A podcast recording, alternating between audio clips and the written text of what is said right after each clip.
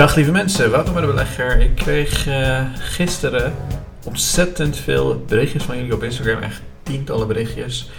Waardoor ik dacht, misschien is het goed om even hier een video over te maken. Kijk, normaal, bijna dagelijks post ik verschillende artikelen en verschillende contentstukjes op de belegger.nl. Mensen die lid zijn van onze app, die de app hebben, die krijgen al die berichtjes. Die krijgen ook e-mails met, uh, met al die verschillende updates. Maar ik dacht vandaag laten we even een video van maken. En wie weet ga ik misschien wat vaker video's maken. Ik ga de komende tijd wat extra tijd hebben om uh, ruim voor mijn computer te zitten. Dus als jullie dat gaaf vinden, laat even een like achter in deze video. Laat even een comment achter. Laat me weten of je dat een goed idee vindt om in ieder geval wat meer video's te maken de komende tijd. Als je dat gaaf vindt en ik, krijg, ik krijg heel veel reacties erop, uh, misschien dat ik ook daadwerkelijk de komende tijd wat extra video's uh, ga maken hier op YouTube. Goed, dat gezegd hebben, dan laten we het hebben over wat er nou precies aan de hand is op de beurs. Wat is er gebeurd gisteren? Kijk, Brian Sullivan, dat is iemand die bij de CNBC werkt, de Amerikaanse zakenzender. En hij zegt: Banks crushed today. Contagion fears ramping. Silicon Valley Bank is the catalyst today. Silvergate yesterday, not a good sign. Kijk, laten we even kijken wat er aan de hand is in dit, in dit ding. Silicon Valley Bank staat op dat moment op min 64, 46%. PacWest, Bancorp, allemaal kleine bankjes. Zelfs Charles Schwab is gewoon 9% gezakt. En uh, het zijn toch uh, bijzondere, bijzondere dingen om te zien. Hè? En dan, dan moet er wel echt, iets aan de hand. Dus ook JP Morgan is bijna 5% naar beneden gezakt. De US Bancorp is naar beneden gezakt. KeyCorp is naar beneden gezakt. Ja, vrijwel alle banken, de hele financiële sector bij elkaar was op een gegeven moment zo'n, wat is het, 4, 5% of iets dergelijks gezakt. Dus dat is best flink. Dat is een vrij flinke val voor de beurs om te gebeuren. En sterker nog, het is later nog iets erger uh, gegaan voor Silicon Valley Bank. Um, 60% gezakt die hele dag. En na de beurs, dus na sluitingstijd, is het nog eens 21% gezakt. Dus dan hebben we het over een daling van 81%. Dat is een decimering van Silicon Valley Bank. Dat ding is nu 83 per aandeel waard. En het was op zijn punt 730 waard. Dus echt ongelooflijk hoe hard dit, dit aandeel is gezakt. En sterker nog, als je kijkt naar bijvoorbeeld Silvergate, dat is een bedrijf die failliet is gegaan. Dus een bedrijf die, die, uh, die letterlijk faillissement heeft aangevraagd. Daar gebeurt hetzelfde. En alleen, deze twee moet je niet vergelijken, want Silvergate is een cryptobank. En uh, we weten wat er met die crypto's uh, allemaal aan de hand is. Het stinkt en het meurt daar. Uh, het is van 200 naar 2 dollar gezakt. En dat komt omdat ze natuurlijk uh, faillissement hebben aangevraagd. Ook zij zijn gisteren 42% gezakt. Ze heeft een market cap van uh, 89 miljoen. Het, het, zat in de miljarden. Um, dus het is, het is vrij heftig. Alleen je moet deze twee zaken niet met elkaar vergelijken. Crypto, of Silvergate is gewoon een, een, een failliete cryptobank. Maar is het nog lang niet tegen een faillissement aan te kijken. Dus de vraag in dit soort momenten zitten we hier nou te kijken naar een totale angstpaniek die ongegrond is? Of zitten we te kijken naar een nieuwe financiële crisis wat we in 2008 hebben gezien? En dat is een beetje wat beleggers natuurlijk proberen te peilen. Want onderaan de CBA, de Silicon Valley Bank, ja, die staan nog steeds all-time op uh, zo'n 15.000% uh, winst zowat. Dus op de lange termijn doen ze het nog steeds prima. En ze staan nog steeds uh, uh, op dezelfde niveau als ergens in wat is het, 2015. Dus ja, ze zijn hard gezakt. Maar dit is niet zomaar een random crypto bank die uit elkaar valt. Dit is een serieuze bank die heel erg lang bestaat. En Um, laten we even kijken dan wat er precies aan de hand is. Als we de, uh, dit stukje van de Financial Times mogen geloven, um, dan zie je Silicon Valley Bank shares plunged 60% a day after launching at 2.25 billion dollar stock sale to shore up its balance sheet as it grapples with declining deposits from technology startups. En wat Silicon Valley Bank dus, wat Financial Times in dit geval zegt, is dat Silicon Valley Bank, Silicon Valley Bank in dit geval uh, ehm, 2,2 miljard wil gaan ophalen door extra aandelen uit te keren. Dus 15% van hun huidige uh, aantal aandelen, dus 15% verwatering. Je zou kunnen zeggen dan, oké, maar waarom daalt het dan zo ontiegelijk hard? Zij zeggen dat dat ligt aan de deposits from technology startups. Je ziet natuurlijk door die hoge rentes dat heel veel startups ja, toch heel veel geld uit, uh, uit hun bank en dergelijke halen.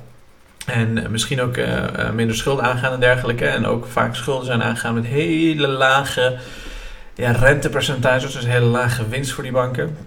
En die doen dat gewoon simpelweg minder op dit moment. Dus dat is wat Financial Times ervan maakt. Maar laten we even kijken naar wat er precies op de website aan de hand is. Wat, wat zeggen ze op de website zelf?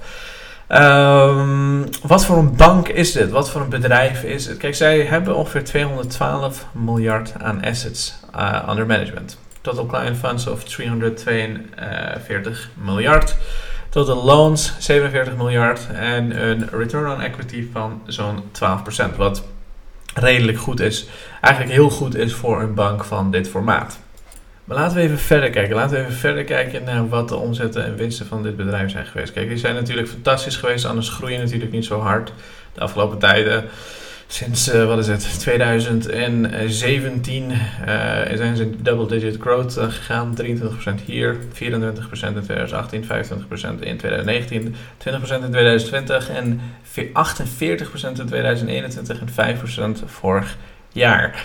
De netto winst is weer iets gezakt vorig jaar, 1,6 miljard. En de groei van de netto winst was 1,8 miljard in 2021. En gaan zo maar door. Dus overal is het een ontzettend winstgevend bedrijf geweest altijd. Maar wat er nu gebeurd is, is ze hebben een gedeelte van hun uh, AFS-bonds, dat zijn uh, ja, leningen die een specifieke maturity date hebben. Dus op een bepaalde dag moeten ze verkocht worden. Dat kunnen korte of lange termijn leningen zijn. Ze hebben die dingen verkocht. En als je die dingen verkoopt, is het natuurlijk nog geen ramp.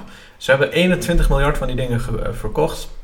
En als je dat nog verkoopt, is het geen ramp. Maar als je het verkoopt met verlies, ja, dan komt het, het, komt het bij dit soort banken komt zo'n verlies natuurlijk gewoon op je netto winst afgeschreven. Dat wordt daarin afgeschreven. En dan heb je dus, ben je dus in principe zo'n, uh, wat is het, bijna uh, hele, de hele winst van 2022 ben je dan kwijt.